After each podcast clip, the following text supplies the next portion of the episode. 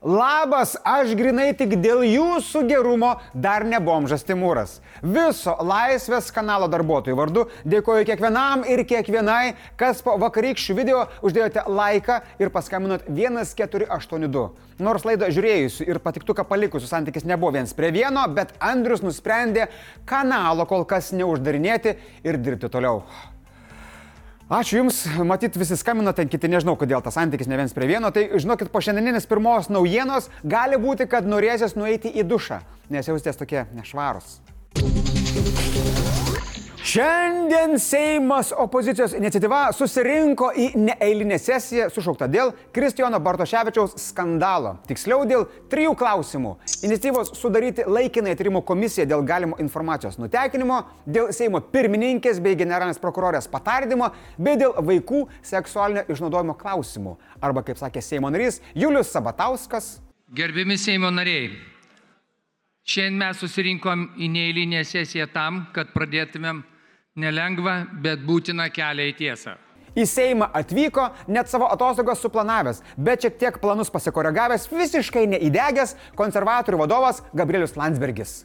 Man atrodo, kad visa šita istorija yra mm, muilo burbulas, pučiamas vieno žmogaus, e, palaikomas jo e, kitų opozicinių frakcijų, kurios, na, matyt, nesugalvoja nieko, ką galėtų, galėtų šitoje situacijoje daryti.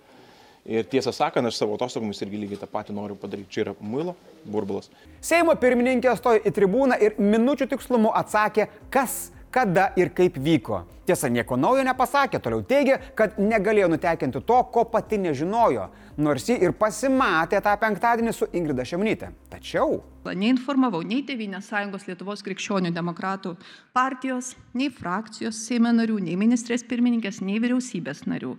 Čimilytė teigia, kad iš prokurorės sužinojo tik tiek, kad įtarimasis yra neliberalas, kad tai yra Bartoševičius. Pirmininkė sužinojo kiek vėliau, nei tai pasirodė žiniasklaidoje. Į papildomus klausimus žodžiu atsisakė atsakinėti, motivuodama Seimo statutu.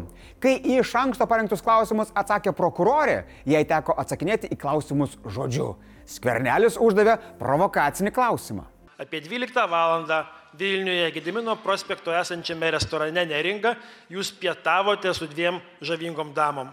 Prokurorė nepasimetė. Aš su jokiamis žavingomis damomis tikrai nepietavau. Įdomu tai, kad viena detalė po abiejų kalbėtojų pasisakymų nesutapo.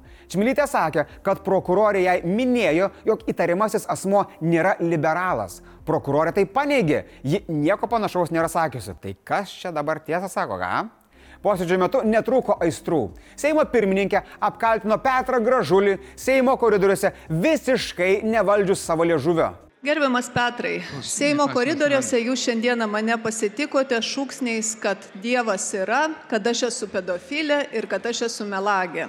Na, šiaip tai nėra pirma ir paskutinė galūnė, kurios Petras nevaldo, mesgi žinom. Jis neliko skolingas ir dar daugiau kaltinimų pažėrė. Neva jį dangsto pedofilijos skandalą. Už tai Gensvilas pažadėjo kolegai etikos komisijos dėmesio.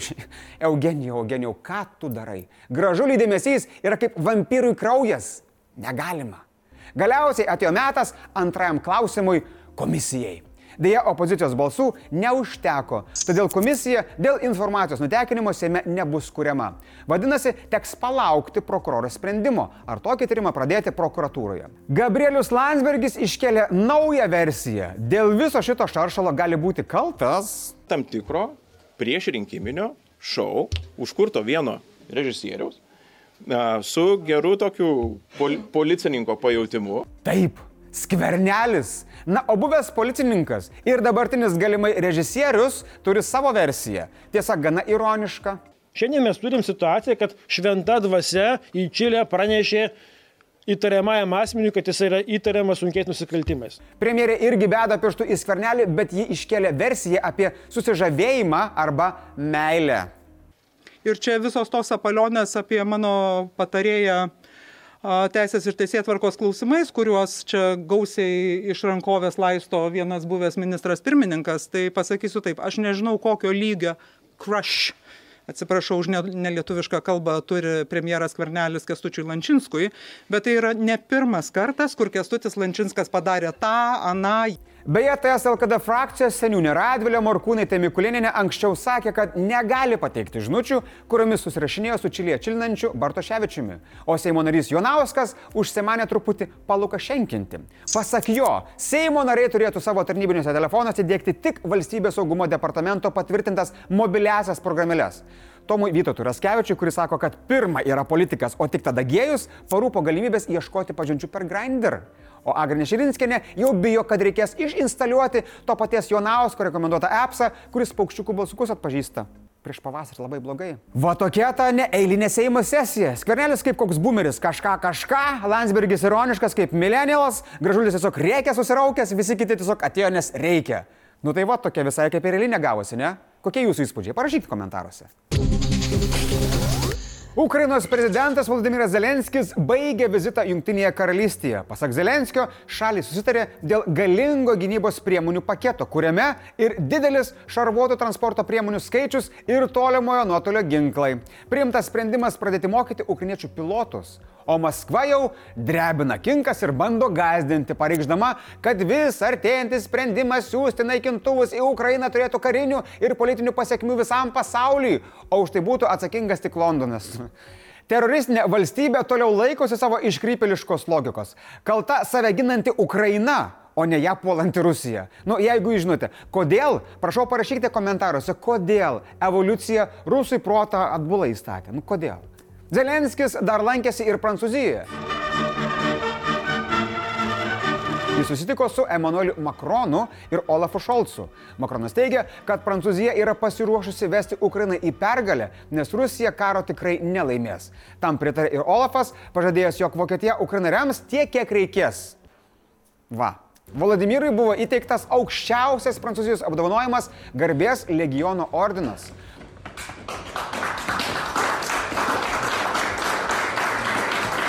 Po šių vizitų Zelenskis kartu su Emanueliu išskrido į Briuselį. Zelenskį pasitikęs Europos vadovų tarybos pirmininkas Šalis Mišelis pasveikino prezidentą atvykus namo. Nice try, Emanueliai. Aišku, kad ten ne Ukraina, gimatė, kad atskrido į Briuselį. O tuo tarpu Rusijos pajėgos dalyje fronto susigražino iniciatyvą. Tai praneša Karo studijų instituto analitikai. Jų teigimu, Rusija pradėjo didelį polimą Luhansko srityje.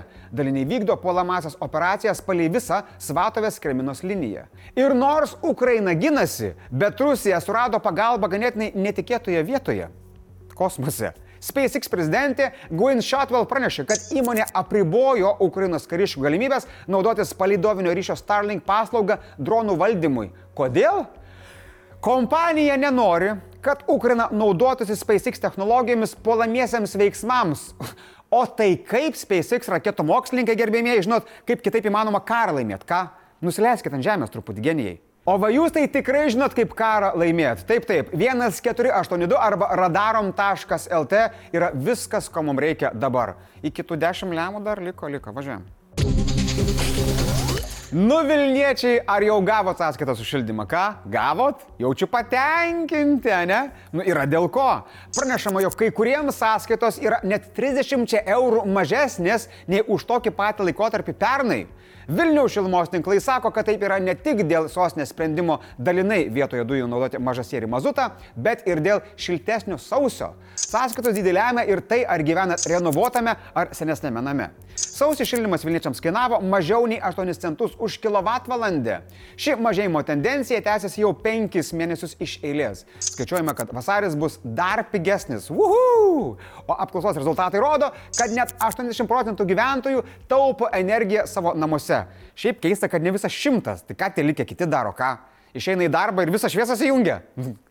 Labiausiai linkia taupyti vyriausi ir jauniausi. Na, vyriausiams liko mažiau pinigų, o jaunesni dar jų neuždirbo. Nu, tai čia kaip ir logiška. Pagrindinė energijos taupimo priežastis Nu, žinokit, ne jaudulys, kad klimatas šila ar kažką tai, o tiesiog praktiškas noras sutaupyti pinigų. Viskas kaip ir logiška. Nu gerai, žinokit, šneku toks biškiniekus, nes negaliu daugiau kito paslapti. Man irgi skambino Radvilė. Sakė niekam nesakyti, bet jeigu norit už šildymą nemokėti, yra toks hekas. Žiūrėkit. Dabar pat paspaudžiat like po šito video, prenumeruojat mūsų kanalą, tada per 30 sekundžių komentaruose parašote, koks gyvūnas jums labiausiai patinka ir iš karto skambinat 1482. Tai šita veiksmų seka, žinokit, pakelia lauko temperatūrą tiek, kad radiatorių šilmos nebereikia. Nedėkokit. Blis naujienos. Vilniuje dingusio 15-mečio Mykolo Davidonio paieška yra tęsiama dviem valtimis. Dronais atvyksta gelbėtojai iš Alitaus. Gelbėtojai naudodamėsi sonarais žvalgo ir nerės upės dugną. Paieškų masas dar labiau atsitraukia nuo Vilniaus, o savanoriai išvalgys teritoriją nuo Elektrienų iki sostinės. Turkija ir Sirija sukrėtusių katastrofiškų žemės drebėjimų aukų skaičius jau viršė 17 tūkstančių, sužalotojų skaičius siekia 62 tūkstančius. Baiminamasi, kad be pastogės, vandens, kūro ir elektros likusi didelė dalis išgyvenusiųjų taip pat gali netekti gyvybės. Iš Seimo regionų frakcijos pasitraukus keturiems parlamentarams frakcija subirėjo. Pasak vienos iš pasitraukusiųjų, Ritos Tamašūninės, buvo pasitraukta daliai narių atsisakius pervadinti frakciją neutraliu pavadinimu. Nekilnojamo turto plėtotojams šie metai jau subjūro ir tikimasi stagnacijos. Didžiausių iššūkių rinkos dalyviai įvardyje brangstantį skolinimąsi. Vis dėlto Lietuvos banko valdybos pirmininkas Gedminas Šimkus situacijos nedramatizuoja ir su kitais ekspertais teigia, kad nt rinkos griūties nebus. Draugai ir draugės, šiandien komentaruose netgi dvi temos galite rinktis. Seimo neeilinė sesija. Patiko, nepatiko, gavote atsakymus ar ne, rašykit drąsiai. Taip pat ieškom atsakymų ir teorijų, kodėl rusų smegenys antraip veikia. Kas čia? Dievulis, evoliucija, bonka, kas kaltas? Parašykit, labai labai įdomu. Beje, dabar video iš ateities. Čia jūs rytoj susitikę su draugeliais, kurių nuo praeito savaitgalio nematėt. 别别别再说人家不好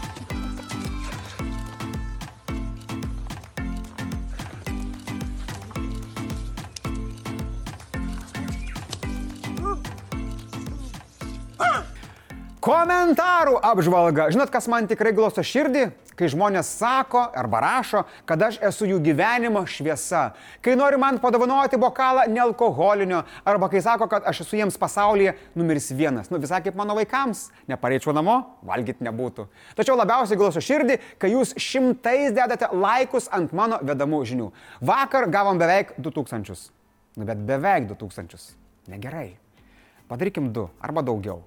Kasparas beje uždavė gerą klausimą, kaip galima akcijai radarom padaryti pavedimą iš užsienio. Nu, šaunuolis Kasparai, dalinamės instrukciją video aprašyme. Prašom, pervedinėkit, dalinkitės. Šiandien tiek žinių.